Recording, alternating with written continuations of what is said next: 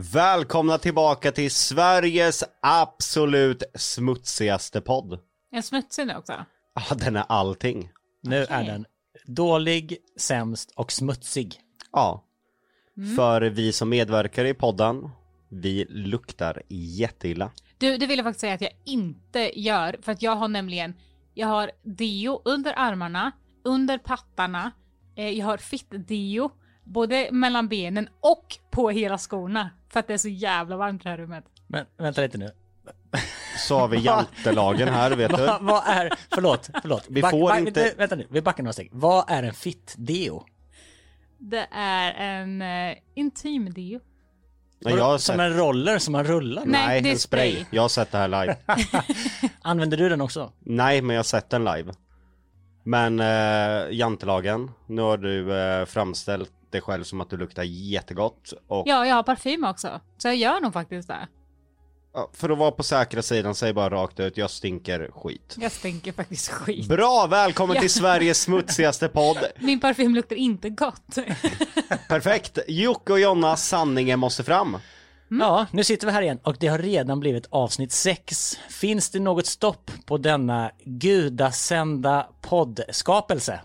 Ja, nu är du där igen, jantelagen. Finns det något stopp på hur den här podden bara kan bli sämre och sämre och sämre? Det är en bedrift i sig. Det är en bedrift i sig. Vi Ligger- kan, väl, vi kan väl säga att den är lite lagom då? Eller? Ja, vi är lagom då. Då håller vi oss inom gränserna. Ja. Bra. Vi är... Vi, Finns det något stopp på den här lagomheten? den är så lagom så jag snart somnar. Idag kommer det bli jobbigt igen. Vi kommer att djupdyka i ett ämne som vi har mått dåligt över under en väldigt lång tid. Det här kan vara kanske det tuffaste ämnet. Eh, det är våran barnlöshet vi levde med. Kampen för att bli gravida. Och nu kommer vi väl gå lite djupare i och med att här skiljer sig våra historier lite. Inte att någon eh, ljuger utan hur vi kände. Precis. Och vi har ju även i det här avsnittet fått faktiskt väldigt många frågor från lyssnarna att just prata om det här. Barnlöshet, strävan efter att få barn och när man väl lyckas, hur det känns. Då kör vi igång. Vi kör.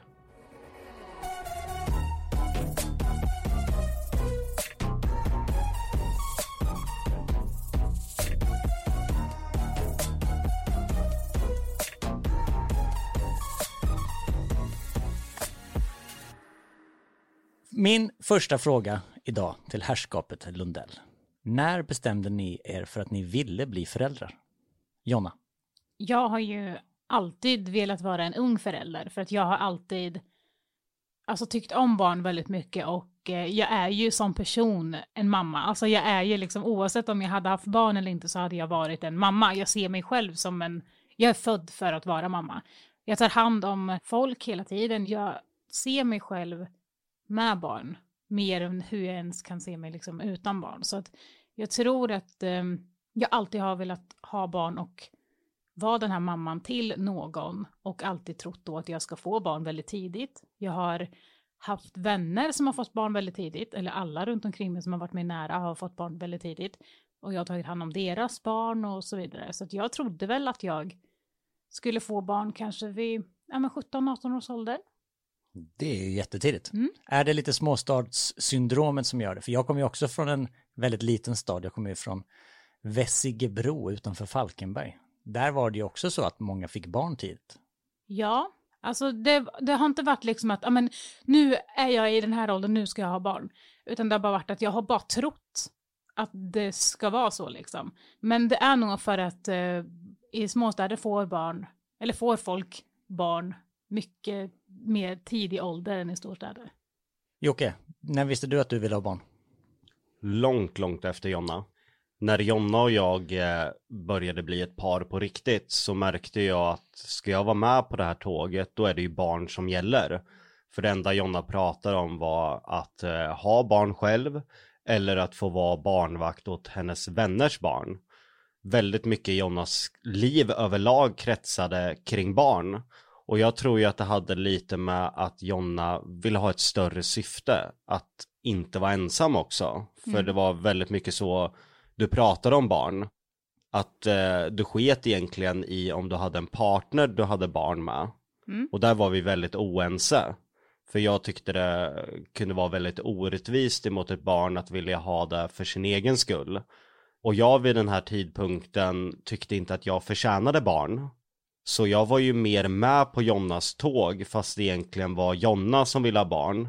Men jag förstod ju att skulle jag vara med Jonna så var jag också tvungen att vara med på tåget att ha barn. Men jag var inte riktigt öppen emot Jonna. Utan jag kände skam, jag tyckte att jag inte förtjänade att få barn. Jag tyckte inte att jag förtjänade att få vara en förälder. Så där skilde vi oss väldigt mycket. Jag tror också att hade du sagt att eh, nej men jag, jag vill inte ha barn, då hade jag nog släppt dig och sagt att menar, då, hur kär jag än är i dig så går det inte det, för att mitt syfte i det här livet är liksom att skaffa barn. Det viktiga var inte ett förhållande, det viktiga var att få barn.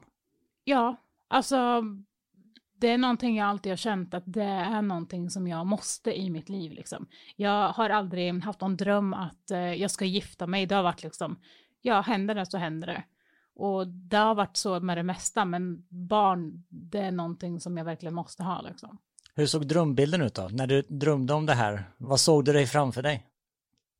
Barn. Ja men var det så här, jag ska Nej, ha men, tio eh, barn, vi ska bli nej. familjen annorlunda? Eller Nej. tänker du att jag ska ha Alltså- tvillingar eller? Tvillingar har jag alltid önskat som första barn, har jag alltid gjort. Men eh, två barn har jag alltid önskat. Det kantades ju väldigt mycket i början utav väldigt stora bråk för att jag kände mig inte som en människa. Jag kände mig inte som en del utav hennes liv utan jag kände mig som en produktion för Jonna som skulle generera ett barn. Hon sket egentligen i om vi höll ihop, bara vi fick ett barn.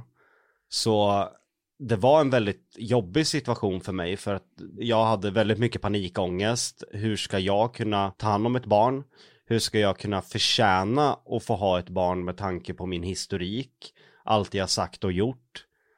Hur ska jag ens kunna se mig själv som en pappa när jag inte kan ta hand om mig själv? För vid den tidpunkten Jonna började vilja ha barn så var inte vi ens vuxna själv. Och det var så mycket bråk mellan oss två för att jag var ju väldigt tydlig med att vi är ju barn. Hur ska vi kunna ta hand om ett barn när vi själva är barn? När är vi i tiden nu Jonna? När ville du skaffa barn med Jocke? Nej, alltså jag har ju inte, det har ju inte spelat någon roll om det har varit med Jocke eller inte. Utan jag har ju alltid velat skaffa barn. Sen att jag hade en partner, ja men vad väntar vi på? Sen, självklart måste det vara stab- stabilt och så, men på den här tiden, ja men det var när vi bodde hos min mamma. På den här tiden tror jag inte att du ens behövde ha det stabilt, du ville Eh, bara ha ett barn. Ja, men jag måste också säga så här att eh, på den här tiden bodde vi hos min mamma. Du var iväg och festade i stort sett hela tiden. Och jag var hemma och eh, tog hand om min bästa väns barn för att hon mådde lite dåligt. Och eh, han var ja, men lite yngre än vad Luna Bella nu och jag har ju klarat det galant. Så jag tror helt ärligt, även om du säger att jag var ett barn, så tror jag helt ärligt att jag hade klarat det. Tror du att ert förhållande hade klarat det? Om ni hade fått barn då? Nej, det tror jag inte. Jag är helt med på den och ibland så känner jag att det kanske var ödet som gjorde den här barnlösheten. För, Det tror jag också. för att barnen kom precis i rätt tidpunkt när vi var redo för det. Och som Jonna säger, jag tror att hon hade klarat av mammabiten att ta hand om ett barn. Men jag tror inte att hon hade klarat av att försörja ett barn och allting runt det. För att Jonna vid den tidpunkten kände mer att eh, så länge jag ger barnet mat och tar hand om den och ger det kärlek så var det nog. Mm. Medan jag mer såg att vi måste ha ett stabilt liv, vi måste ha ett stabilt boende och en stabil ekonomi. Och där var vi väldigt oense. Och det här var ju, hur ofta bråkar vi om det här? Det kunde varit varje dag. Mm. Jag, jag håller med dig där. Vid den här tiden, Jocke var ute och festa, Jonna ville jättegärna ha barn. Hade ni preventivmedel eller körde ni på som att ni skulle ha barn? När Jocke flyttade till Spanien så tog jag ut min p-stav för att jag låg ju ändå inte, jag var ju nunna. så att eh, jag kände inte att jag behövde preventivmedel. Och här kommer ju min, alltså symboliken för den personen jag var på den här tiden, att inte ha något ansvar. Jag tyckte alltså att vi inte skulle ha barn, att vi inte var redo för det, men vi hade sex som kaniner utan preventivmedel. Och det bevisar ju bara vilket ansvar jag hade, eller bristen på ansvar. För hade Jonna blivit gravid vid den tidpunkten så hade jag säkert, oh men det kan man nog vara bra att göra bort. Och det är ju helt idiotiskt. Varför inte använda preventivmedel i sådana fall om du har den synen att man inte är redo att ha barn? Och jag skäms över mig själv hur jag ens kunde tänka på det sättet. Det var mer att ta dagen som det kom, ja men vi har sex, det är skönt. Sen fanns det ingen tanke på att, eh, oj, här kan det också bli barn. Men om Jonna hade blivit gravid då, hade du sprungit därifrån eller hade du stannat kvar? Jag tror att jag hade stannat kvar även om det hade blivit ett antal panikångestattacker under den perioden. Men jag tror att jag och Jonna hade redan då gått igenom för mycket tillsammans för att kunna splittra på oss. Och det är väl egentligen våran styrka i förhållandet att eh, hur ska jag kunna dela livet med någon annan när jag har gått igenom så mycket med Jonna? Vi har gått igenom allt ihop. Det finns inga känslor vi inte har upplevt tillsammans. När vi pratar om det här nu Jonna, känner du tillbaka då att, ah fan, jag hade inte ångrat om vi hade skaffat barn då? Eller känner du att det blev bra som det blev? Jag skulle aldrig ångra ett barn, det skulle jag inte göra. Um, men uh, man kan önska att man kanske hade det bättre då eller alltså någonting sånt. Men jag skulle, om vi hade fått barn då så garanterar jag att vi hade kunnat lösa det på ett eller annat sätt i alla fall. Men jag tror inte att det hade varit bra om det hade kommit ett barn då. Det var ändå tur i oturen att det tog så himla lång tid för oss. Jag hade ju gett mig själv ett löfte. Och det är fortfarande än idag mitt absolut viktigaste löfte. Och någonting jag aldrig kommer att svika. Och det är att mina barn aldrig ska få växa upp och ha det som jag hade det. Och där krockade ju lite i och med att eh, jag inte hade ett ansvarsfullt liv. Eller var en bra förebild vid den här tidpunkten. Och mitt löfte krockade då med Jonnas önskan om att få barn. Så det var ju där det stora problemet var. Så jag vet inte om jag hade klarat att vara förälder då. Jag tror att det här hade ätit upp mig inifrån. För jag vet hur mycket det skadade mig, min uppväxt och vart jag hamnade i livet när man inte får det föräldraskap man behöver för att bli en vuxen människa. Och att utsätta en person, ett, en oskyld, ett oskyldigt barn för det jag själv har varit med om. Jag skulle aldrig kunna leva med det utan jag hade förmodligen tagit livet av mig då för att jag inte hade klarat av det. När är ni överens om att ni ska prova att få barn på riktigt? Jocke sa ju alldeles med att han inte ville ha det. Så att jag trodde ju att vi var på G med det hela tiden i stort sett. Eller alltså det var väl typ så här, vi hade väl sex för att det var skönt också till en början. Men det var ju också så här, varje gång vi hade haft det så var det ju, nu hoppas jag, nu hoppas jag, nu hoppas jag, från min sida. Medan jag hade ju min plan i huvudet, eh, precis som Jonna säger så hade hon nog lämnat mig. Och jag ville ju inte förlora Jonna för att nu började jag ju vid den här tidpunkten som vi pratade om i tidigare avsnitt i podden känna en familjetillhörighet. Saker började gå bättre. Så jag vågade inte säga till Jonna att jag är inte redo för att ha barn. Men jag hade en annan plan med det ekonomiska, att jobba hårt, få en stabil ekonomisk grund, kämpa för ett eget boende. Så när vi fick den här lägenheten som vi tidigare pratat om, den här, eh, vad kan man säga, utslussningslägenheten mm. som vi fick på prov. Då började jag känna att, fasen, jag kanske kan bli en pappa. Jag har för första gången en inkomst i mitt liv. Jag har för första gången ett stabilt boende. Och vi har bockat av någonting som vi har verkligen kämpat för. Och det var ju också en anledning till att jag var så noga med att betala av skulderna. För jag visste att har jag skulder så kommer det att påverka våra barn. Jätte, jätte, jättemycket. För idag ser ju samhället ut så här att har du skulder så är det kört. Du får inte söka lägenhet, du får inga lån, du kan inte ens ta ett mobilabonnemang. Du ses som en opolitlig människa. För idag så har vi ju ett system, bland annat UC, som räknar ut hur eh, pålitlig man är genom olika procent. Sidestep då, hur pålitlig är du i en sån UC-kontroll? Idag, eh, jag löper endast 0,2% chans att hamna i en skuld igen. Oh, det är ändå något. Ja, jag har eh, högsta UC-score. Det är bara Jonna som har högre än mig. Daniel har faktiskt lägre. Det är ju inte förvånande. Men det, det, är också hur mycket krediter du har som räknas in i det där. Och Daniel har krediter. Daniel vänner. har krediter. Han har så mycket kreditkort att hela plånboken är överfull. Och det drar ner det här UC-scoret. Jonna är ju kreditlös. Hon har inga kreditkort så därför är hon mer pålitlig på UC än vad vi är. Jag är ju jätte, jätterädd för sånt där. Alltså jätte, jätte, jätte, jätterädd. Jag tror det har med det att göra. Eh, vi har ju ingenting på avbetalning. Nej, vår tidigare bakgrund liksom. Alltså jag är verkligen livrädd för sånt där. Alltså, jag köpte ju en bil för ett litet tag sedan. Då satt jag ju och samlade ihop varenda liten krona och köpte den kontant liksom. Men det är så här, det är ju våran skitbil. Så den kostar ju inte jättemycket. Men det var ändå så här att jag ville inte ens låna liksom av en kompis eller någonting sånt. Men nu ska vi inte prata om UC-score och hur duktiga ni är på att inte ha krediter, utan vi ska prata om er ofrivilliga barnlöshet. Vi är tillbaka på 2015. Ni har den här lägenheten som ni är livrädda att förlora. Jonna ser Jocke som en spermadonator. Jocke är inte riktigt med på tåget. Vad händer? Berätta. Det är ju vid den här tidpunkten man börjar inse att jag hade ju alltid i huvudet att när man vill ha barn, då är det ju bara att göra barn. Alltså det är ju hur lätt som helst. Man började inse att det kanske inte bara var att ligga två gånger så hade man ett barn. Utan man började ju tänka att oj vad många gånger vi har haft sex men Jonna är inte gravid. Är det fel på mina spermier? Och här började jag bygga någon otrolig ångest. För att jag trodde stenhårt att eh, är mina spermier dåliga så är det tack och adjö. Då har jag gjort mitt i det här förhållandet. Då kommer Jonna att kasta mig. Och om man ska vara krass så var det ju lite så. Om Jockes spermier inte höll måttet och gjorde dig gravid, då skulle du ju gå vidare. Eller hur Jonna?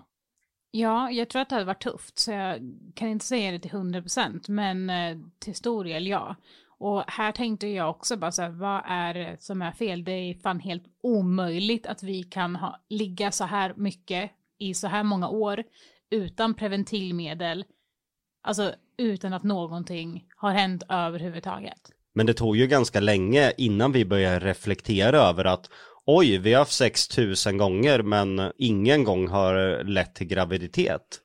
Nej, och då hade jag ändå under de här gångerna liksom upp med rumpan, nu ska sperman ända ner, alltså haft de här och typ läst på, de här ställningarna kan man köra för att få bäst sprut eller vad det nu kan vara, man ska äta det här, man ska dricka det här, man ska inte göra så här. Jag kommer ihåg vissa gånger att jag bara sa, du får inte ha datorn på snoppen för att då dödar du dina spermier.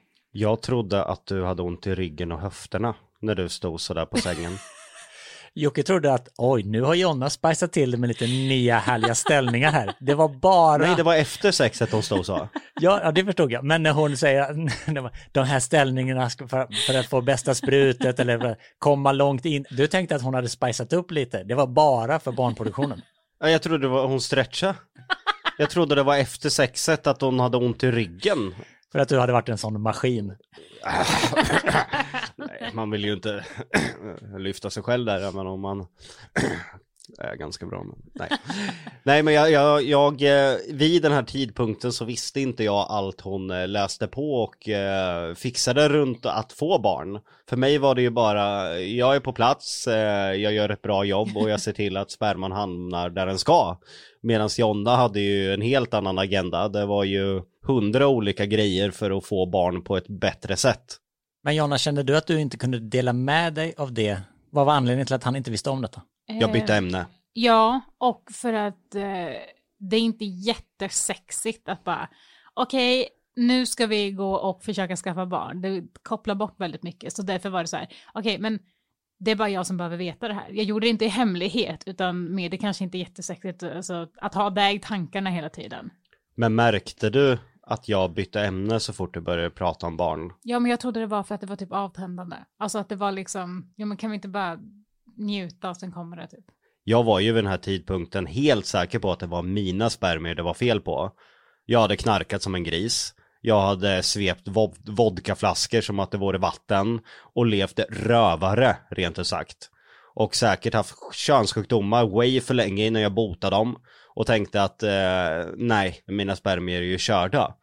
Så därför, så fort du tar upp det här så ville jag ju undvika ämnet så att du inte skulle misstänka att det var mig det var fel på och då lämna mig.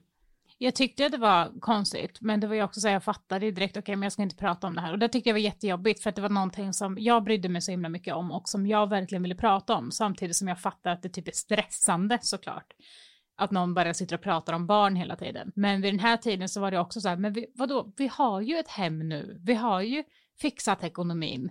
Vi, va, va, varför går det inte? Vi är ju här nu, vart är våra barn? Det får plats här. Nej, jag var så rädd för att förlora dig vid den här tidpunkten. Jag tror inte att i din värld så tror jag inte att du förstod hur mycket du betydde för mig. För att jag vill ju inte visa det, för att då visar jag mig själv som sårbar. Och ju mer jag visar det, ju mer har jag att förlora. Jag tror att du märkte att jag hade väldigt distans till dig jag satt och spelade tv-spel på kvällarna. Jag undvek att mysa för att jag tänkte ju mer jag går in i det här ju ondare kommer det göra den dagen en doktor säger att eh, nej jag är ledsen ni kommer inte att få barn. För att jag förstod ju någonstans, även om du inte var lika påläst som mig, så förstod jag att nej, vi kommer inte få ha fosterbarn. Nej, vi kommer inte att få adoptera. Medan i din värld så var de möjligheterna fortfarande kanske öppna. Mm. Medan jag visste mer hur sanningen såg ut. Och får vi inte adoptera och får vi inte ha fosterbarn och eh, är det inte möjligt att göra surrogat. Då kommer vi inte ha barn med mina dåliga spermier. Det var så jag såg det. Och jag vart ju mer så här i mitt huvud. Du var 21 år, jag var 30 nästan. Mm. Och jag tänkte, du går omkring och gnäller hela dagarna att eh, du behöver få barn. Medan du var nio år yngre än mig och jag tänkte så här, hej, jag är 30 år, det är lite mer bråttom för mig. Så när du hade stress som 21-åring, fast du fortfarande är väldigt ung, så kände ju jag att det byggde på min ångest och min stress deluxe. För att jag var ju nio år äldre än dig. Men alltså du kan få barn när du är 90. Jo men jag vill inte bli en gammal gubbe Nej. till pappa och... Du vill ju kunna leka och sparka fotboll och göra allt sånt där. Ja, jag vill ju inte behöva ta smärtstillande för att gå till lekparken. jag vill kunna vara delaktig, förstå mitt barn, inte bli halvsenil på köpet. Ja. Men vid den här tidpunkten, hade du kommit över tröskeln om att du inte var värd barn? Så här ville du verkligen ha barn, Jocke? Jag står väl och väger. Jag är samtidigt stolt över mig själv för den resan jag har påbörjat, även om resan fortfarande är väldigt tidig och jag är fortfarande inte vuxen. Men det är svårt att se sig själv vart man är. För när du blir mer mogen hela tiden, när du tittar tillbaka så tänker du oj, jag var inte så mogen här. Men när du är exakt där så tänker du, ja men jag är ganska mogen. Så jag hade nog väldigt svårt att förstå vart jag var i livet, så jag balanserade väl lite. Men jag var ju mer med på Jonas resa att vi är så stabila idag att ja, det kanske är dags att skaffa barn. Och du fattade också att om jag inte skaffar barn med Jonas så kommer hon lämna mig? Ja, det var ju väldigt införstådd med. Det var tydligt. Okej, okay. och när började det gå upp för er att någonting måste vara fel nu och hur kände ni då? I hemlighet så köpte jag hur mycket ägglossningstest som helst och min mens var sen, alltså nästan varje månad. Ibland hoppar den över flera månader så att jag trodde ju att jag var gravid varje månad i stort sett. Så jag tog graviditetstest efter graviditetstest och varje gång jag hade gjort det så kom ju mensen. Så att det var ju liksom som att jag var skengravid varje månad. Eh, och jag tog massa ägglossningstest. I, jag köpte hur mycket som helst. Jag köpte från utlandet, jag köpte på apoteket, jag köpte från eh, alltså online-sidor. Eh, men det verkade som att ingen av dem funkade. För jag fick aldrig något positivt svar. Här börjar ju Jonna bli manisk. Här, eh, från att ha dolt allt det här med hur man får barn på bästa sätt och alla de här tipsen började bli mer öppet. Det var inte sex för att det var skönt eller sexigt längre utan vi ska sex för att vi eh, behöver få barn. Nu är den här tiden på månaden, nu är det de här dagarna, nu måste vi försöka, vi har två dagar på oss. Och jag trodde ju hela tiden att mina spermier var dåliga så det vart ju bara skitjobbigt. nu har vi inte sex för att det är eh, sexigt och skönt längre utan nu har vi sex för att få barn. Och jag var ju säker på att mina spermier var dåligt så jag kände ju mig bara som någon slags eh, kanin man ringde in. Och man fick inte ha sex för ofta, man fick inte ha sex för sällan, det skulle gå helst liksom en dag emellan, man fick inte ha eh, ja, men flera gånger om dagen för att då hann spermierna inte liksom bli tillräckligt färdiga liksom. Jag fick inte ens duscha i för varmt vatten. Nej. Det är helt sant. Vad hade du mer för riktlinjer för, för din spermadonator? Alltså jag kommer typ inte ihåg, det var så mycket, men alltså Jag fick inte röka. nej. Men det var också så här, jag vill ju ändå att han ska vara sig själv, men typ sån här, han fick inte ha telefonen i, i fickorna, i framfickorna. Jag vill att du ska vara dig själv. Nej. Nej, Nej men typ så här, den är jag inte med på. Nej men typ rökning fattar man ju att man inte bara kan sluta med, men du, man får ju liksom försöka med det man kan. Medans jag var, jag hade ju läst en hel del om det här med att skapa barn och där jag kunde läsa mig till som var signifikt från i stort sett alla sidor med information var ju att ju mer du tänkte på att du vill ha barn, ju svårare är det. Och jag ser Jonna, från hon vaknar till hon går och lägger sig så handlar allt om barn. Det var så sjukligt maniskt ett tag att jag var rädd för henne nästan. Det var som att eh, vårat förhållande betydde ingenting. Utan jag ska ha barn, jag skiter i om det är med dig, jag ska ha barn. Tänkte du någon gång, Jocke, att eh, nu skiter jag i det här? Nej. Faktiskt inte. Jag visste ju hur mitt liv såg ut innan Jonna. Det här var ju prime time i mitt liv. Det här var ju det bästa jag någonsin hade upplevt, att få dela livet med en annan människa. Kände du någon gång, Jonna, att nu skiter jag i det här? Nej, det tror jag inte. Ehm, vi hade gått igenom så himla mycket här och eh, alltså det, det var ju han jag ville skaffa barn med, men samtidigt så märkte jag ju att vi kommer nog inte klara det här själva, vi behöver hjälp. Så då ringde ju jag till sjukhuset och eh, skrev in oss på en undersökning. Åh, vilken ångest jag hade då. Var är vi någonstans nu rent tidsmässigt? Det här- 2016 någonstans va? 15, 16? ja, jag tror vi fortfarande 15, alltså, 16. allting gick så fort men så sakta det året. Okej, så ni fick tid på sjukhuset. Jocke, hur kände du dagarna innan och samma dag? Jag vill ju inte vara med på det här för att eh, det är ju som att eh, tigga om att bli upptäckt att man har dåliga spermier. Det här var ju ett, en början på att förlora Jonna såg jag det som. Så jag försökte ju slingra mig. Men eh, Jonna styrde ju upp allting. Hon bokade tiderna, hon tog kontakterna. Jag var ju inte den drivande i kontakten med sjukvården kan jag ju säga. Utan jag undvek ju det så gott det bara gick. Och hur kände du, Jonna? Kände du samma som Jocke, att det skulle vara dina ägg som det var fel på, så att säga? Alltså, jag vet inte, jag hade fattat någonstans att man måste vara en kombo också. För jag hade gjort en abort tidigare när jag var 14. Man har ju hört så här, ja men det finns eh, risk att man eh, kan bli fertil om man gör abort och bla bla, bla. Men det är ju ändå inte så stor risk, liksom. det är minimal. Så jag trodde ändå inte att det var någonting där, men jag tänkte så här, fan det kanske bara är någonting som är konstigt med våran kombo liksom. Så att vi, men samtidigt så tappar jag inte hoppet. Och ni åkte till sjukhuset och fick träffa en... Nej, vi åkte till sjukhuset men eh, det var en olycka på vägen och världens trafikkö. Så vi kom för sent. Inte alls länge. Nej, jag tror det var tio minuter kanske. Men det var kört. Eh, vi fick bara skriva på något papper och åka hem igen. För grejen var ju också att när man ställer sig i en sån här kö, som då när jag ringde och bara, jag tror att vi inte kan få barn, då är det flera månaders väntan.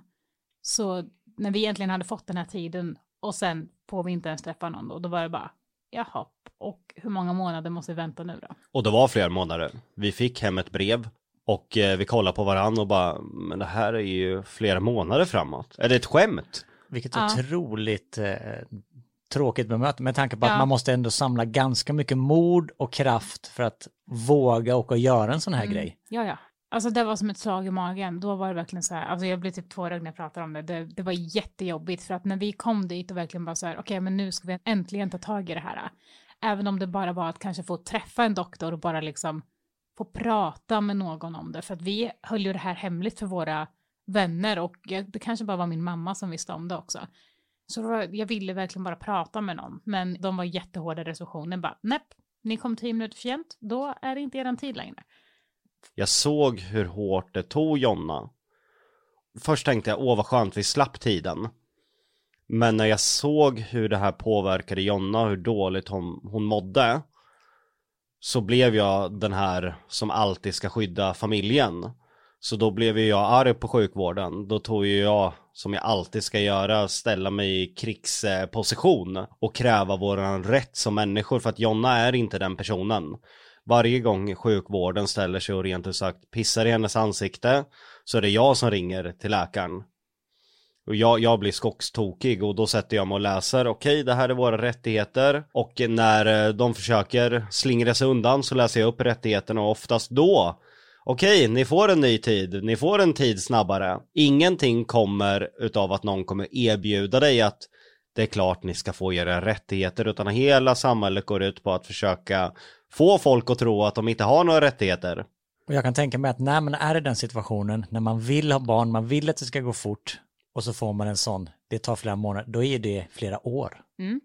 Det jobbiga var ju att vi visste att vi bara skulle träffa någon och få skriva in oss.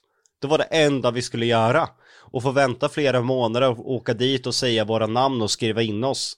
Och då tänkte vi, hur många månader ska det dröja till nästa sen? Är vi ett halvår bort för att få det första riktiga mötet? Så det var väl här vi började gå ut på YouTube och berätta om det, att vi kan inte få barn. Och vi vet inte varför. Vad skulle ni vilja säga till andra som, för jag förmodar att säkert någon som lyssnar kanske är exakt i den här situationen just nu som ni var i då. Vad har ni för tips till dem? Alltså, att man inte är ensam. Ja, alltså prata om det för att det blir lättare. Det är som Jocke säger att ju mer man vill ha barn desto nästan alltså, trögare går det. Så jag tror att man bara ska prata med folk. Om man inte vill prata med sina närmsta, prata med någon psykolog. Man måste få ur sig det för att det är så himla mycket skönare när man har pratat om det. Man tror att man är ensam om det för att det föds ju så mycket barn varje dag Det är överallt. så naturligt. Ja, det är så naturligt. Ja. Men nu idag förstår jag det i och med att till slut så öppnar ju vi och berätta om det här på YouTube. Och det var så många som hade upplevt samma. Någonting man tror att vi är de enda. Och en minoritet visade sig att så många upplever det här. Okej, så då fick ni en tid flera månader senare. Höll ni den tiden då? Ja, alltså då åkte vi flera timmar innan och liksom satt och väntade just för att det ska inte få vara något, ja men någon typ traktor framför oss som kan slö ner allting eller om någonting skulle hända. Och jag hade väl bestämt att är det fel på mina spermier så kan jag inte undvika det utan ta tjuren i hornen. Jag är med Jonna hela vägen. Får jag ett dåligt besked så får jag ta det då. Jag hade bestämt mig för att ja, nu är det dags att få sanningen. Är det mig det är fel på så får vi ta det därifrån. Så du fick egentligen några månaders förberedelsetid som kanske är bra för dig ibland? Ja, alltså det var ju inte det jobbiga med att komma iväg eh, med om du tänker på Asperger-diagnosen, det var inte det jobbiga. Utan det var ju att jag var livrädd för att få på ett papper att det var mig det var fel på. För att jag var ju säker på att Jonna hade lämnat mig. Men jag kände att hur länge ska jag dra ut på det här? Är det så att det är mig det är fel på så kommer det att komma fram en dag. Varför inte bara ta reda på det? Och på det här mötet, då fick ni skriva in er och det hände inget mer, eller? Eh, jo, jag eh, sa till dem redan då, att, för jag hade ju pratat lite med, med min mamma och eh, så sa jag att mamma, jag har tagit så många eh, Eh, ägglossningstest under så lång tid nu, alltså jag har tagit liksom varannan dag i flera månader och det händer ingenting. Jag har testat massa olika märken och det händer inte. Och då sa mamma till mig att ja, men, eh, jag fick faktiskt, jag hade ingen ägglossning när eh, jag skulle få mitt första barn eller när vi skulle, när jag och din pappa skulle försöka testa. Så då fick hon eh, åka till sjukhuset och ta sprutor för att få igång ägglossningen. Och efter det så kom det igång. Så då sa jag där till läkaren där bara, du jag tror att eh, det kan vara så att jag kanske inte har någon ägglossning, för min mamma hade inte det. Och eh, ja, jag har testat så många saker och då fnös hon mig i ansiktet gud, är det du eller jag som är doktor här? Och då kände jag bara, ah, okej. Okay. Ja, jag kommer ihåg det där så väl. Men jag tänkte någonstans där att eh, Jonna är manisk, hon har snöat in på någonting. Vi litar på läkaren. Men nu idag så sjukt nog så var det faktiskt Jonna som hade rätt. Och det här var flera år tidigare än när hon fick reda på att hon faktiskt hade rätt. Så läkaren fnös åt dig, men vad hände mer på, den, eh, på det här första mötet? Jag fick eh, ta ett eh, cellprov på min livmodertapp, för det ska man göra när man är 23, men jag var ju lite yngre än det. Men de sa att när du ändå är här så kan vi lika gärna ta det. Sen var det dags för burken. Eh, Jag fick fylla i massor av frågor. För lever du på ett visst sätt så har du inte eh, typ rätt att vara med i den här behandlingen utan du måste leva som en väldigt sund människa så jag ljög väl på hälften av punkterna va, ungefär. Ja, säkert. Eh, sen är det ju burken. Den här klassiska burken. Eh, jag trodde ju att det bara var på film man fick en burk. Eh, sen går man in i ett rum med massa läskig plast på möblerna och sen några porrtidningar. Men det var precis så det var. Och hur kändes det att sitta där? Väldigt avtändande.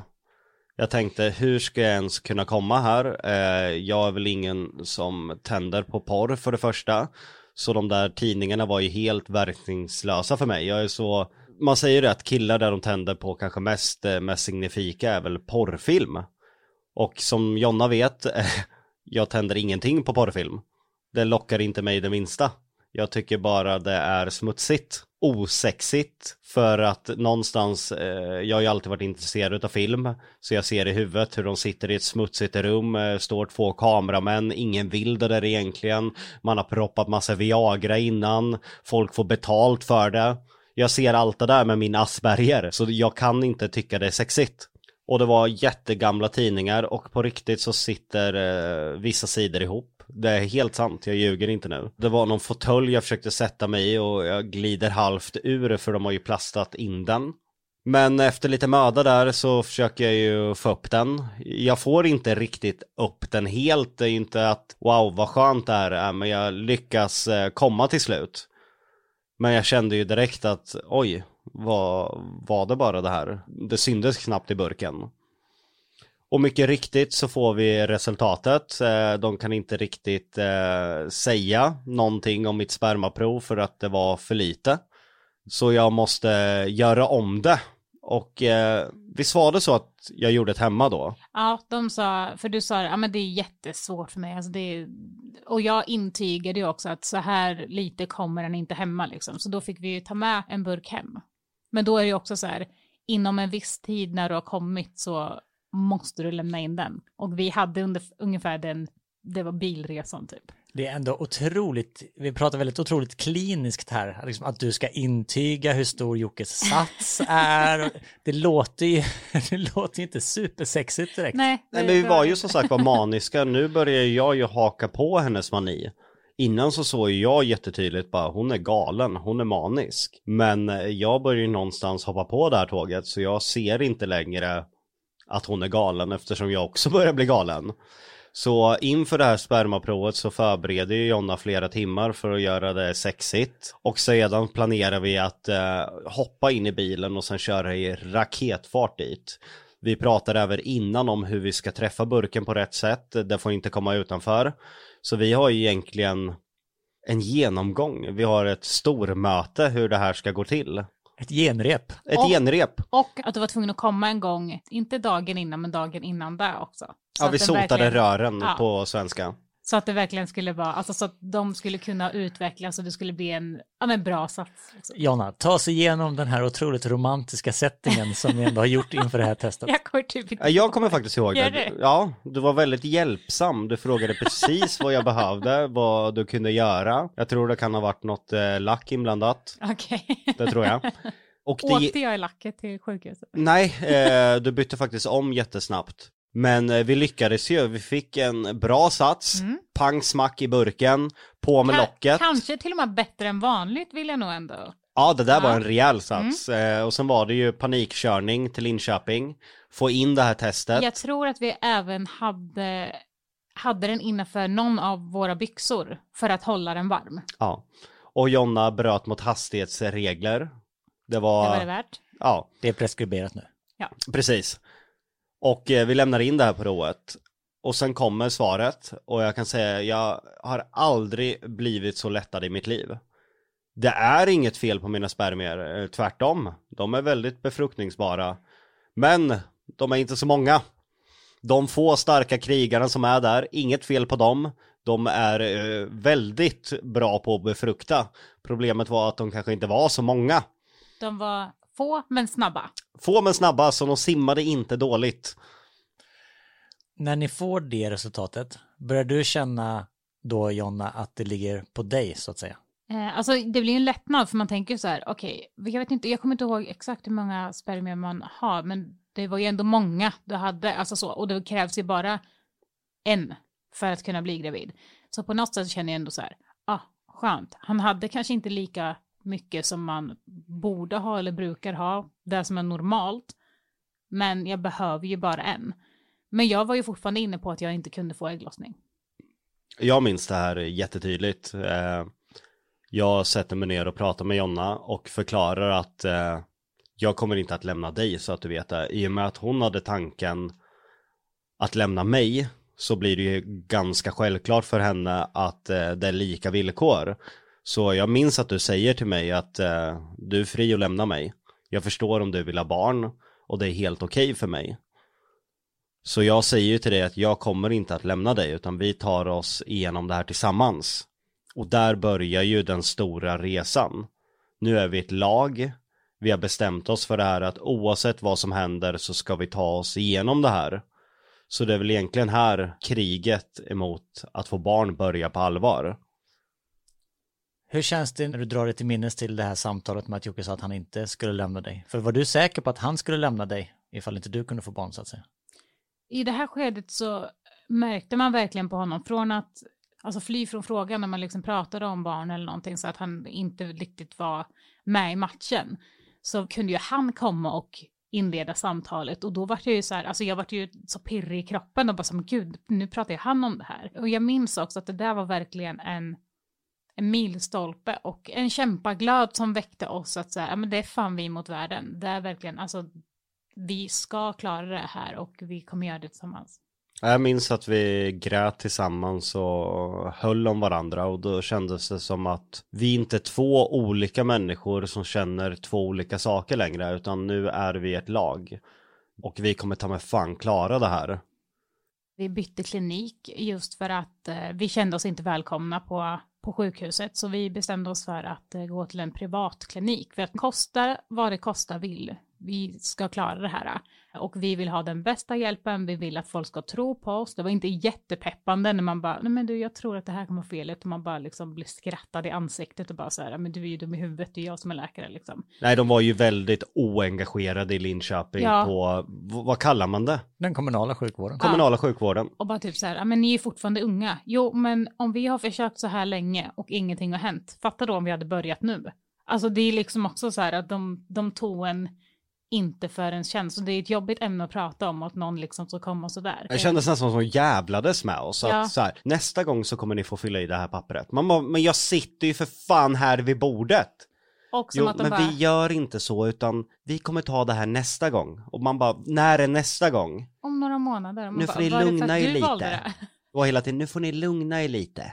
Ja, ni var ju såklart superstressade och var otroligt emotionella rörande ja, ja. det här ämnet och de jobbar med det varje dag och kanske säger ja ja, fast så här är det för många, vi har folk som är 40, 45 här, Exakt. de kanske har mm. större problem än er, men för er var det ju hela världen. Ja. Vi fick ju aldrig veta heller, hur lång tid kommer det ta till nästa tid?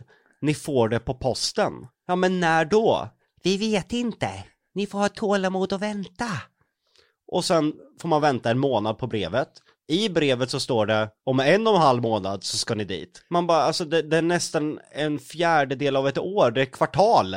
Jag kommer ihåg att var vi iväg och jobbade då så ringde vi till våran granne. Du måste kolla brevlådan, du måste kolla brevlådan. Så att vi var väl varje dag. Ja, vi hade ju det här brevet på kylen. Det var ju det enda viktiga. Man kunde missa i stort sett allt i livet, men man fick inte missa den här tiden. Men sen som Jonna säger så, man tappade både självförtroende, och man kände sig inte respekterad. Så Jonna började googla runt och hittade en privatklinik i eh, Norrköping. Mm. Och hur kändes det när ni gick dit? Alltså det kändes så himla bra. Alltså det kändes för bra för att vara sant. Det var som en dröm. Jag fick göra om alla prover som jag hade gjort på, på förra liksom och Jocke fick också göra om. Så att vi gjorde ju alla de här testerna vi hade gjort under säkert sex månaders tid på sjukhuset gjorde vi på ett möte, samma möte som vi skrev in oss på. Så det kändes ju helt sjukt. Och snabba svar. Eh, mina spermier var fler och fortfarande lika snabba så det var absolut inget fel där. De gjorde alla tester på Jonna, jag kommer ihåg, de höll på i flera timmar och Mm. verkligen förstod oss. Mm. Det var inte det här längre, men ni är fortfarande unga, ni kan få barn, utan de förstod våra känslor. Här svävar vi ju på moln, vi hade fått göra alla tester. Mina spermier var ännu bättre än i tidigare test, eh, de tog oss på allvar. Jonna skulle få svar på allting. Men sen kommer ju det stora bakslaget. Det kommer ett brev från eh, det kommunala statliga sjukhuset på det här eh, cellprovet som Jonna gjorde. Och där rasar ju allting och jag kommer nog aldrig kunna förstå det Jonna gick igenom här och hur det kändes för henne. Men jag såg ju hur det påverkade henne. Och vad var det för resultat, Jonna? Eh, jag fick ett brev som det bara, alltså det stod också så jävla drygt i det. Det stod bara så här, hej, dina prover visar att du har cellförändringar. Man bara, jaha, och vad i helvete är cellförändringar? Har jag cancer? Har jag början till cancer? Alltså jag fattade ingenting. Och alltså jag, jag minns att vi skulle åka på spökjakt då och jag bara så här, vad är, alltså jag fattar ingenting, vad är det jag ska göra? Ha, har jag en sjukdom nu eller vad är grejen? Hur kommer det här påverka oss? Hur kommer det här påverka? Är jag fertil? Um, alltså jag fattade verkligen ingenting. Jag försökte googla och det var alltså man kunde inte förstå någonting typ. Nej, jag fick ju panik för allt man eh, googlade ledde ju till cancer. Så vi började ju skrämma upp varandra. Det här är ju ingången till cancer. För vi la ju ut en YouTube-video och det var ju i princip att eh, Jonna har påbörjat till cancer. Det var egentligen vad vi sa där. Men det var hade... vad som stod när vi kollade och det var ingen annan som sa någonting. Nej, vi var livrädda. Så här börjar ju det stora stödet. Och jag tror att Jonna hade aldrig klarat sig igenom det här om hon inte hade följarna som kunde lugna henne, ge henne tips, ge henne råd, berätta vart hon ska höra av sig, vad nästa steg är. Och jag märkte att Jonna fick ett helt annat lugn, hon kunde sätta sig ett par timmar, läsa DM på Instagram, läsa kommentarer på YouTube och faktiskt känna sig mer eh, orädd inför det som komma skall och faktiskt ha information på rätt sätt och inte någon skrämselinformation som vi hade tagit del av. Nej, men kanske för första gången känner dig lite sedd då i ditt problem och få hjälp av tittarna på något Ja, sätt. ja, men det var, jag tror att det var väldigt nyttigt att prata med dem. För att då kunde man få mer information och rätt information och det var jätte, jättevanligt att man kunde få cellförändringar. Obehandlat under en längre period va, så kan Ja. det utveckla sig till cancer. Jag hade grad 1 och jag tror att grad 4 är cancer eller om det är precis efter grad 4 som det är cancer. Men vi fattade ju ingenting och man tror ju alltid det värsta och det stod liksom ingen information i det heller och man ska ju inte googla. Och det var ingen som ringde upp heller och Nej. förklarade utan vi hade ju bara internet och man vet ju att man aldrig ska googla en eh, sjukdom. Men vi eh, kollade upp det här ännu en gång för de ville kolla det ännu en gång och eh, då visade det sig att på två månader hade min gått från grad 1 till grad 3. Oj, Eh, vilket eh, folk sa inte, det händer inte utan det tar flera, flera år innan det liksom händer någonting. var ni på privatkliniken nu och fick de här testerna eller åkte ni tillbaka till sjukhuset? Nej, hon eh, gjorde om eh, testet igen på privatkliniken ungefär två månader senare va? Ja, Och då slår de fast att det är grad 3. Och jag får ju panik här. Jag tänker ju att nu kommer det ju bli cancer. Kommer jag att förlora Jonna? Och jag börjar få, det är det enda jag tänker på, att nu har jag hittat en människa jag älskar och vill dela livet med. Det är så jävla orättvist om jag ska förlora henne. Jag har aldrig haft en trygg punkt i mitt liv. Ska jag förlora den punkten? Och jag vill ju samtidigt inte skrämma upp Jonna. Så vi slutar i stort sett att prata om det. Vi ligger i varsitt rum och gråter på kvällarna. Och vi slutar att dela med oss och prata om det här som är så viktigt att man gör. Utan vi, vi stänger in sorgen och sköter det på vårt eget sätt. Och hur kände du i det här Jonna? där man kände att man hade väldigt en trygg punkt och där folk bara sa, men gud, ni har grad, eller du har grad 1, du behöver liksom inte oroa dig. Till att bara, eh, okej, under två månader så vart det mycket, mycket värre. om ni har sagt att det är omöjligt, nu är det ju tydligen möjligt, så vad fan kommer jag ha grad 4 imorgon? Alltså det är verkligen så här, vad är det som händer nu? Och om jag nu inte får cancer av det här, utan att det liksom går att bara operera bort att det är lugnt. Vad händer efter det? Vad kommer ske? Kommer jag ens kunna skaffa barn nu? Vad händer? Och man får ju avbryta sin behandling när man får cellförändringar. Från att cellförändringen har försvunnit så är det sex månader va? Och då ska man göra en återkoll, så du får inte ens försöka skaffa barn under sex månader. Så vi visste att det ungefär kanske var ett år bort tills vi kunde ta upp kampen igen. De skrev ju även in oss på en kölista för IVF, alltså att man plockar ut mina ägg, tar hans spermier och befruktar på den vägen och när ägget befruktas så stoppar man tillbaka det. Så vi stod ju i en sån kö, men den fick ju vi, Hoppa ur. ja, Och det var ju sånt jävla bakslag. Att sitta liksom, visst är det så här, ja ja men sex månader är ingenting. Nej men nu har vi försökt i flera år och nu när vi verkligen har kunnat skriva in oss på en bra klinik, vi får verkligen hjälp, nu får inte vi försöka skaffa barn. Ramlar du ner i ett mörkt hål nu?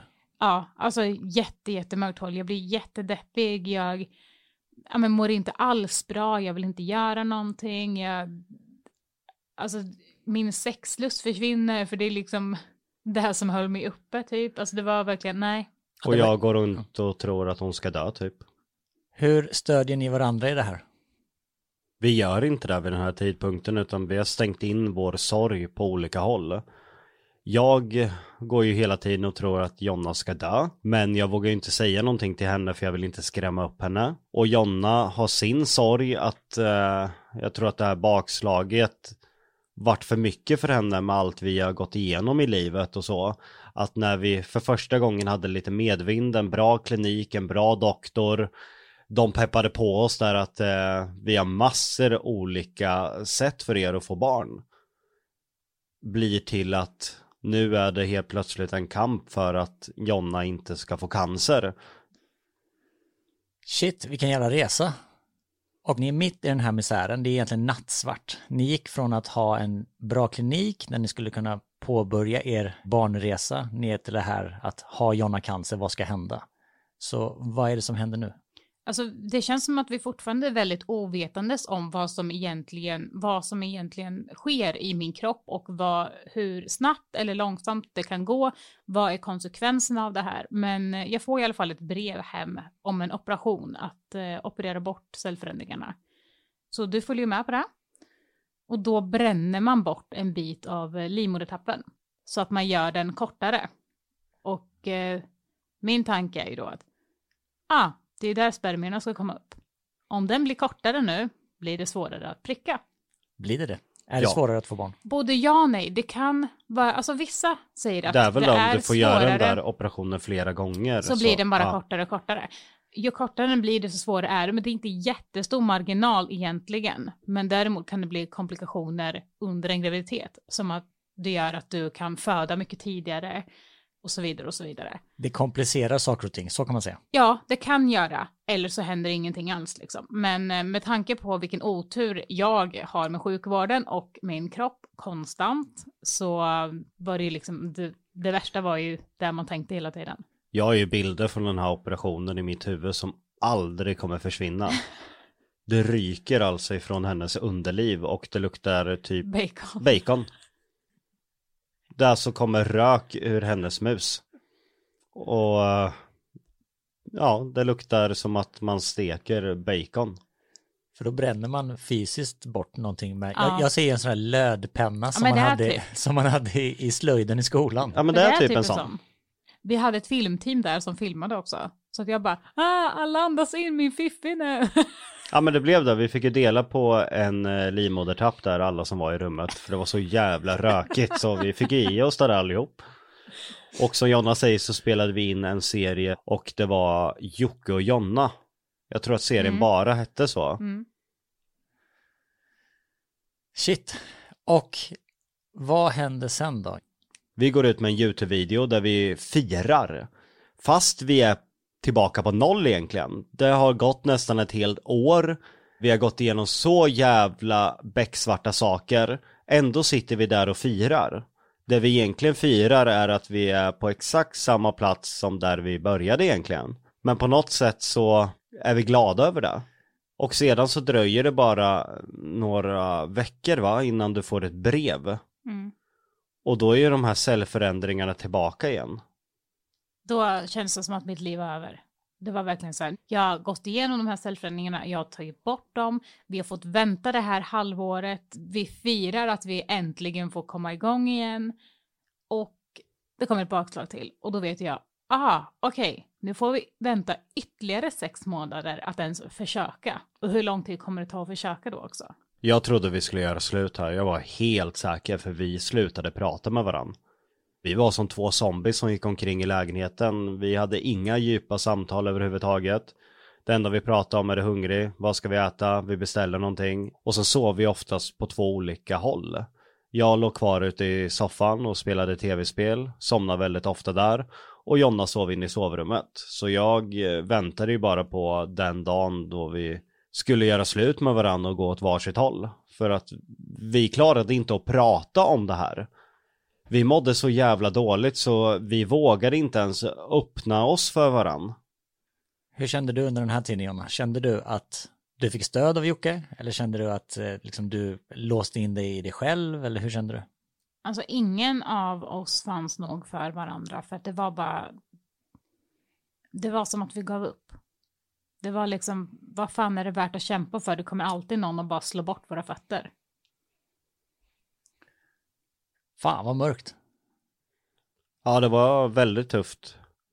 Sen en dag så har jag för mig att eh, Jonna ligger och gråter i sovrummet. Och då går jag in och lägger mig bredvid henne. Och sedan så gråter vi tillsammans för första gången. Vi delar sorgen. Vi har bara gråtit på olika håll innan och dolt det här att Jonna går in på toaletten och gråter. Jag gråter på natten när hon sover. Men för första gången här så låg vi ju bara krama varann och grät som barn. Och bara delade den här sorgen. Och där var väl vändningen igen. Man kände, fan vi är inte ensamma i det här utan vi har varandra oavsett vad som händer. Och vi började våga prata om det. Att, okej, okay, då försöker vi adoptera. Okej, då försöker vi göra surrogat. Okej, då försöker vi få fosterbarn. Vi hade massor utvägar. Och vi började varje dag prata om det här. Och det kändes bättre. Det gick från att man kände att man levde i en mörk lägenhet där dagarna bara gick till att faktiskt vara peppad på morgonen. Vad kan vi göra idag för att komma närmare och få barn? Och mitt i allt det här så hade ni er YouTube-karriär, där ni var tvungna att sätta på ett glatt ansikte och göra videos. Var det svårt? Vid den här tiden så gjorde vi väldigt mycket öppna videos om hur vi mådde och sånt, för att jag fick ju också en sjukdom mitt i allt det här som eh, eh vi fick reda på då av de här proverna från privatkliniken att eh, min sköldkörtel inte riktigt fungerar som den ska. Och det heter hypoterios va? Ja, hypo eller eh, det finns två Hyperterios. olika. Ja, hypo eller hyper. Och det står båda dem i mina journaler. Så jag vet inte vilken som stämmer. Men eh, ja, jag tror att jag har underfunktion. Och det gör att jag går upp jättemycket vikt. Jag kan liksom inte, jag kan gå ner ett kilo och sen gå upp det igen. Eh, jag är jättejättetrött. Man har svårare att få barn. Man eh, orkar liksom inte. Man blir jättevirrig. Så att du kan liksom inte tänka. Du blir helt, alltså hjärn, hjärnan stannar liksom ibland. Du blir flåsig, du orkar ingenting, du, alltså det är så mycket. Men jag tror att vi är så avtrubbade här. Trots att vi får alltså ett till besked. Jonna har en sjukdom som gör det ännu svårare att få barn. Och då har man inte ens räknat in den här eh, cellförändringen på det. Men ändå någonstans där är vi så avtrubbade och att vi har gett oss fan på att få barn. Så vi vägrar ju att lägga oss ner. Utan att fan vi ska lyckas oavsett. Sen så under cellförändringarna, för du gjorde ju ingen till operation. Nej, för de försvann. De försvann faktiskt den här gången. De läkte sig själv. Är det vanligt? Ja, det, när det är grad 1 så kan det läka sig själv. Och det var ju där vi hade fått som svar, liksom bara så här, men det är ingen fara, det är, antingen gör du en operation eller så läker det sig själv. Okej, så först hade du grad 1 som växlade upp till grad 3. Du gjorde operation Mm. och sen fick du grad 1 igen. Ja, Som, som växte läkte sig. bort. Ja, den läkte sig själv. Och nu kommer det roliga. Då ska vi tillbaka till kliniken som vi trivs jättebra på. Nej, eran doktor har slutat. Och det var den enda doktorn. Vad fan. Nej, det är på riktigt. det är han som har papperna liksom. Och eh, vi får inte ens tag i våra journaler. Jag ringer dit konstant och det går inte ens nå. Alltså det går, jag ringer i flera månader och jag ringer olika tider för jag tänker så här, fan så fullt kan det ju inte vara. Men jag kommer inte fram. Jag åker dit, porten är låst. En, van, en vanlig människa hade ju bara kastat in handduken för länge sedan. Ja, ja, men alltså det här var bara så här, men era jävla idioter, vad fan, vi måste, för att kunna, eftersom att det var en privatklinik, så vi, om vi skriver in oss på någon annan klinik så har ju inte de journalerna. Och då måste vi göra om allt igen. Så jag ägnar hela dagarna åt att ringa och hota människor inom sjukvården. Det har blivit din grej. Ja, för att Jonna, hon orkar inte. Jag bara, men du måste ju ringa. Hon bara, men jag får inga svar, jag får inte tag i någon. Jag bara, men då ringer du någon som känner personen. Du ringer överallt tills du är så jävla jobbig att ingen orkar med dig. Så jag sitter hela dagarna och bara ringer och är så jävla otrevlig. Och sitter ibland i en kö i två timmar. Får prata med någon och när jag väl kommer fram så är jag ju så jävla förbannad. Att de slänger på luren. Ja, så de lägger på luren för att jag är så upprörd. Känns det lite som att ni är helt ensamma? David och Goliat. Ja. Det känns som att vi är så här små och vi har ingen chans mot sjukvården. De kan bara lägga på så är de borta. Man vet knappt vad personen heter man pratade med och eh, kön är två timmar igen. Och ibland så är det så här, telefontiden är slut idag, du kan ringa mellan 8 och 9 på morgon. Så ringer man mellan 8 och 9, du har fått en tid 14.15 och då kommer vi att ringa upp dig. Och missar du samtalet, då är det kört. Okej, så då börjar ni verkligen om på no- minus egentligen nästan nu ju.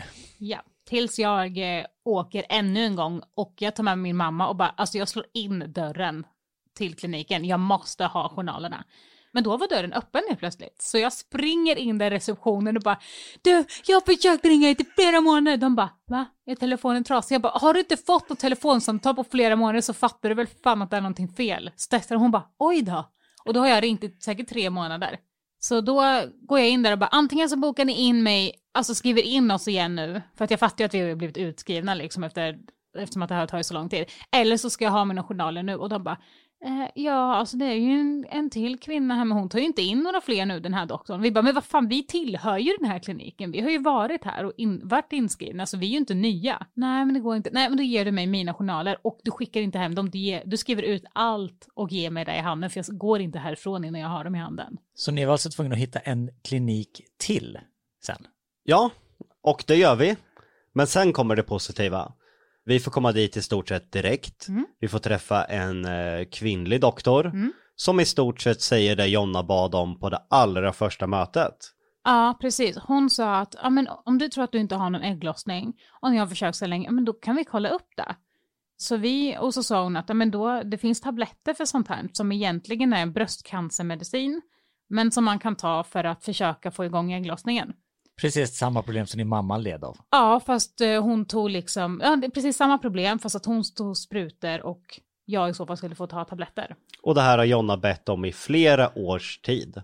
Så de kollar ju upp och mycket riktigt så har du ju ingen ägglossning. Nej. Så du hade rätt från allra första början.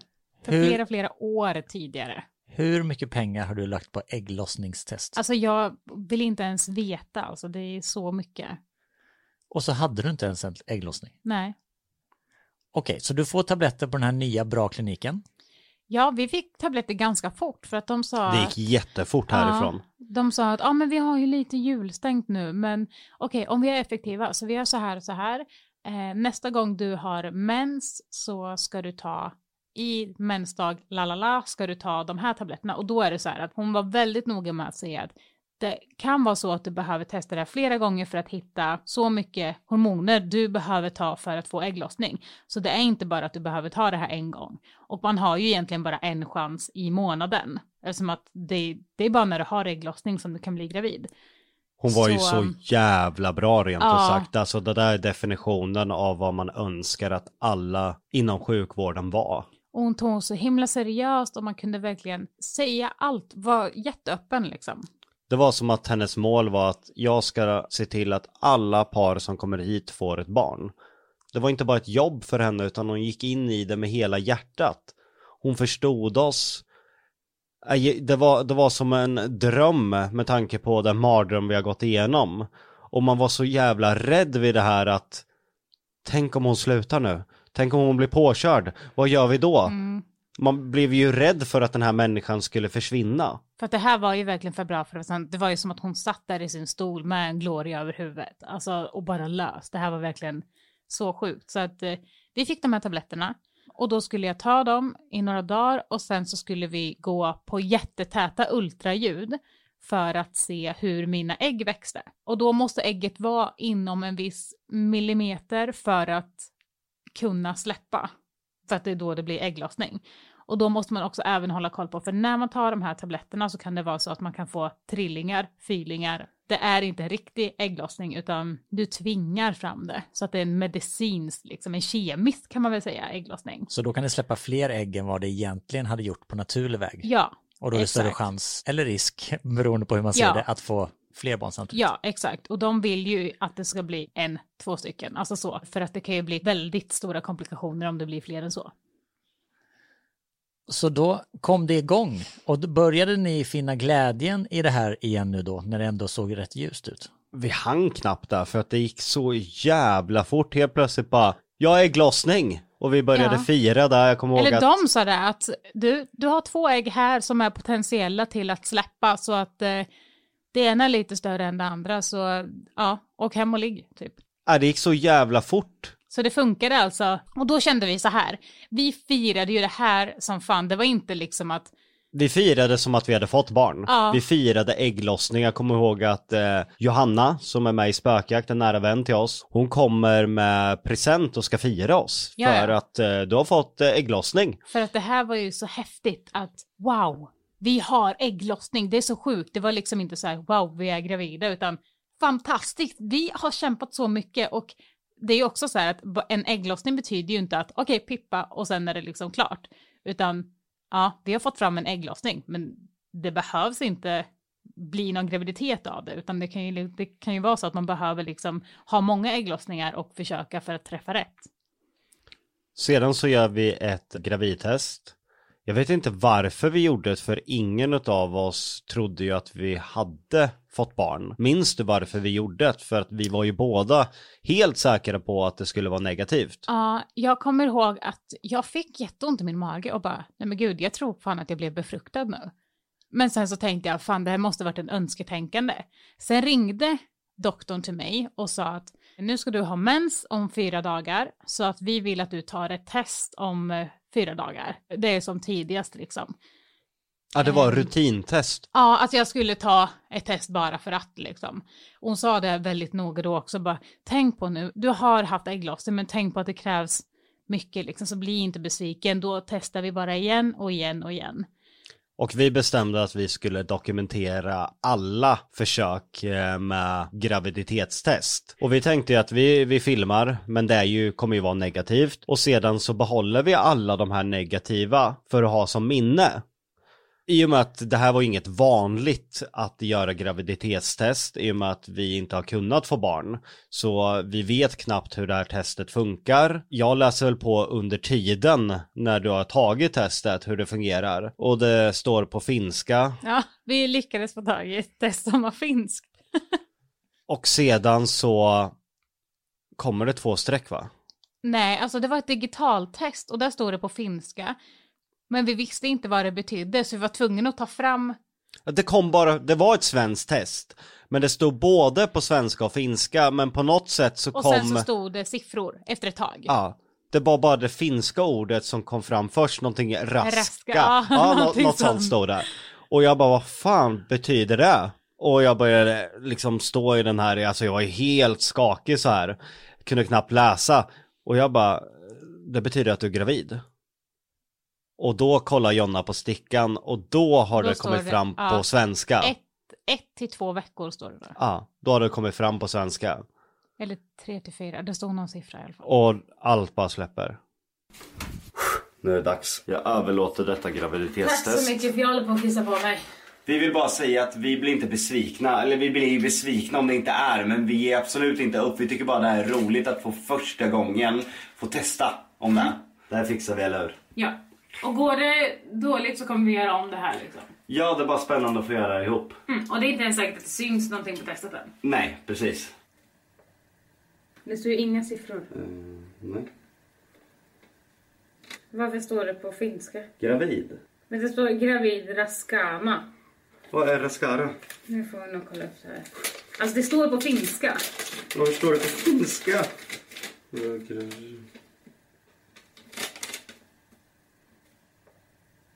Du är gravid. Va? Nej. Du... Show me your weakness. We're in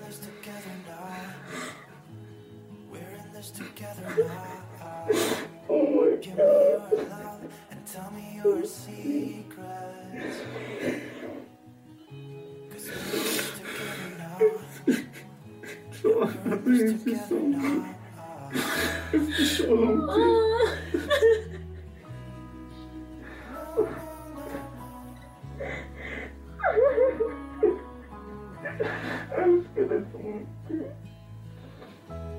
I'll keep you safe. I'll give you Gud, jag kan inte andas!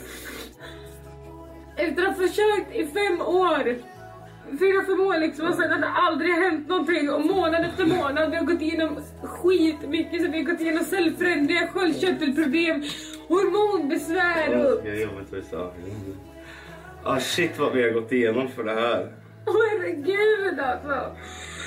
Eh, Alltså jag är helt skakig! Alltså det är som att hela kroppen Som att man bara trycker på en knapp och alla känslor bara släpps rakt ner. Vi börjar ju storböla. Och det här är en video som tusentals fortfarande än idag kollar på varje dag. För att det här är ju ett så äkta moment. Jonna, hur känns det när du hör det igen? Alltså det är ju så sjukt, jag kan inte typ fatta hur vi ens kan ha tagit oss dit. För att där och då var det bara så här, men gud, är det här verkligen sant? Nej men det måste vara någon som lurar oss, det är så sjukt. Samtidigt som man bara, men gud, kan vi hantera det här nu? Kommer vi bli bra föräldrar? Är det här på riktigt? Vi ska bli föräldrar. Kommer vi klara det här? Och sen kom ju nästa grej. Att eh, vi gick ut direkt med det för att vi var ju så glada. Vi berättade för alla vi kände samma dag. Och sen, eh, jag har ju ingen eh, kontakt med min mamma som alla lyssnare vet. Man vet ju historiken vad det är som har hänt här i och med att jag har berättat om det i mina böcker, genom YouTube-videos. Men jag känner ändå att jag vill ändå ringa och berätta det här för min mamma. Så jag ringer upp henne och det enda hon säger är Nej berätta det inte så här tidigt, det kan bli missfall. Jag tänker vad fan säger du människa? Det var väl sista gången jag på riktigt pratade med min mamma. Jag känner att okej, där var gränsen. Man bara, är du så jävla bitter människa att du uttrycker det på det sättet? Då har inte du någonting i, i mitt liv att göra, eller Jonas? Jag tänkte ju ändå att, okej vi har inte pratat på jättelänge men hon kommer väl bli jätteglad att hon ska bli eh, farmor. Ja, och att vi har försökt så länge och blivit gravida. Men hon vart inte ett dugg glad. Och när hon sa det här så började vi läsa om det och självklart, oj, det är absolut störst chans att få missfall under den här perioden, precis som min mamma säger. Men det påverkar inte oss så mycket för att vi känner att den största vinsten är att kunna få barn. Ja, vi kände ju inte så här, okej, det här barnet kommer vi ha, utan vi kände ju så här, okej, vi kan bli gravida. Det, typ, det låter sjukt att säga så här, det gör ingenting om det blir missfall. Självklart gör det det. Självklart är det jättejobbigt att gå igenom sånt, men det var ändå så här, vi kan ändå bli gravida. Ja, det var ju där vi firade. Vi firade som Jonna säger, vi firade inte att Det här det här barnet. barnet, utan vi firade, vi kan få barn. Flera års kamp, vi kan få barn. Som Jonna säger, absolut, det hade varit hemskt om det var missfall. Men det hade varit ett sandkorn i helheten med allt vi har varit med om. Mm. Det hade inte varit någonting emot allt vi har gått igenom i flera års tid. För då hade vi bara hoppat upp på hästen och kört igen. Ja, alltså vi hade gått igenom för mycket för att ge upp. Vi hade bara, vi sa det till varann. Blir det missfall, vi finns för varann, Mm. vi tar oss igenom det och sen gör vi det bara igen och igen och igen tills vi får det här barnet. Vilken jävla resa. Ja, jävlar. Mm. Helt jäkla fantastiskt. Och att vi faktiskt fick behålla det här barnet. För att vi har ju ändå haft så mycket otur i allting. Men vi behövde inte gå igenom ett missfall. Men resan fortsätter ju, men det kommer vi beröra i kommande avsnitt, bland annat föräldraskap, graviditet. Men första steget var ju gjort här i alla fall. Vi är gravida. Första steget avklarat, men resan har bara börjat. Mm. Så kan man säga. Och Jonna är ju gravid med fyrlingar, som vi är först att avslöja här i podden. Grattis Jonna! Nej, alltså fy fan alltså. Då hade jag svimmat. Ja, där kommer vi gå in på min, eh, mina mardrömmar längre fram under graviditeten med det här med tvillingar och trillingar och allting. Jag kunde ju inte sova. Men det ska vi inte prata om nu, utan eh, jävlar, jag är helt svettig. Det var jobbigt att gå igenom det här. Det var också så här avsnitt man visste innan att eh, det kommer väcka mycket känslor. Men jag hoppas också att om det är folk som lyssnar som har försökt många år och som eh, behöver ta hjälp, gör det och känner du eller ni att ni inte blir bemötta rätt, liksom byt klinik, byt klinik flera gånger om om det är så. Ni måste verkligen trivas med kliniken och ni måste känna att de vill det här med er. Och ta stöd av vänner. Det är inget pinsamt. Ni är inte ensamma. Det är så många som går igenom det här problemet. Man tror att man är ensam för att man ser människor få barn överallt. Men ni är inte ensamma. Ju mer människor vågar prata om det här, ju mer kommer problemet sprida sig. Och man får mer information. Det är viktigt att prata om det. Man mår bättre i kroppen när man får lämna ifrån sig någonting. Och sök stöd hos er partner, så att det inte blir så som det blev för er att ni låg i varsitt rum och grät. Utan det blev ju faktiskt bättre när ni grät tillsammans. Verkligen. Tusen tack för att ni har lyssnat idag. Glöm inte att följa oss på Instagram, sanningen måste fram, eller mejla era frågor till podd jockejonna.se. Ja, tack så mycket. Tack så mycket. Vi hörs och ses!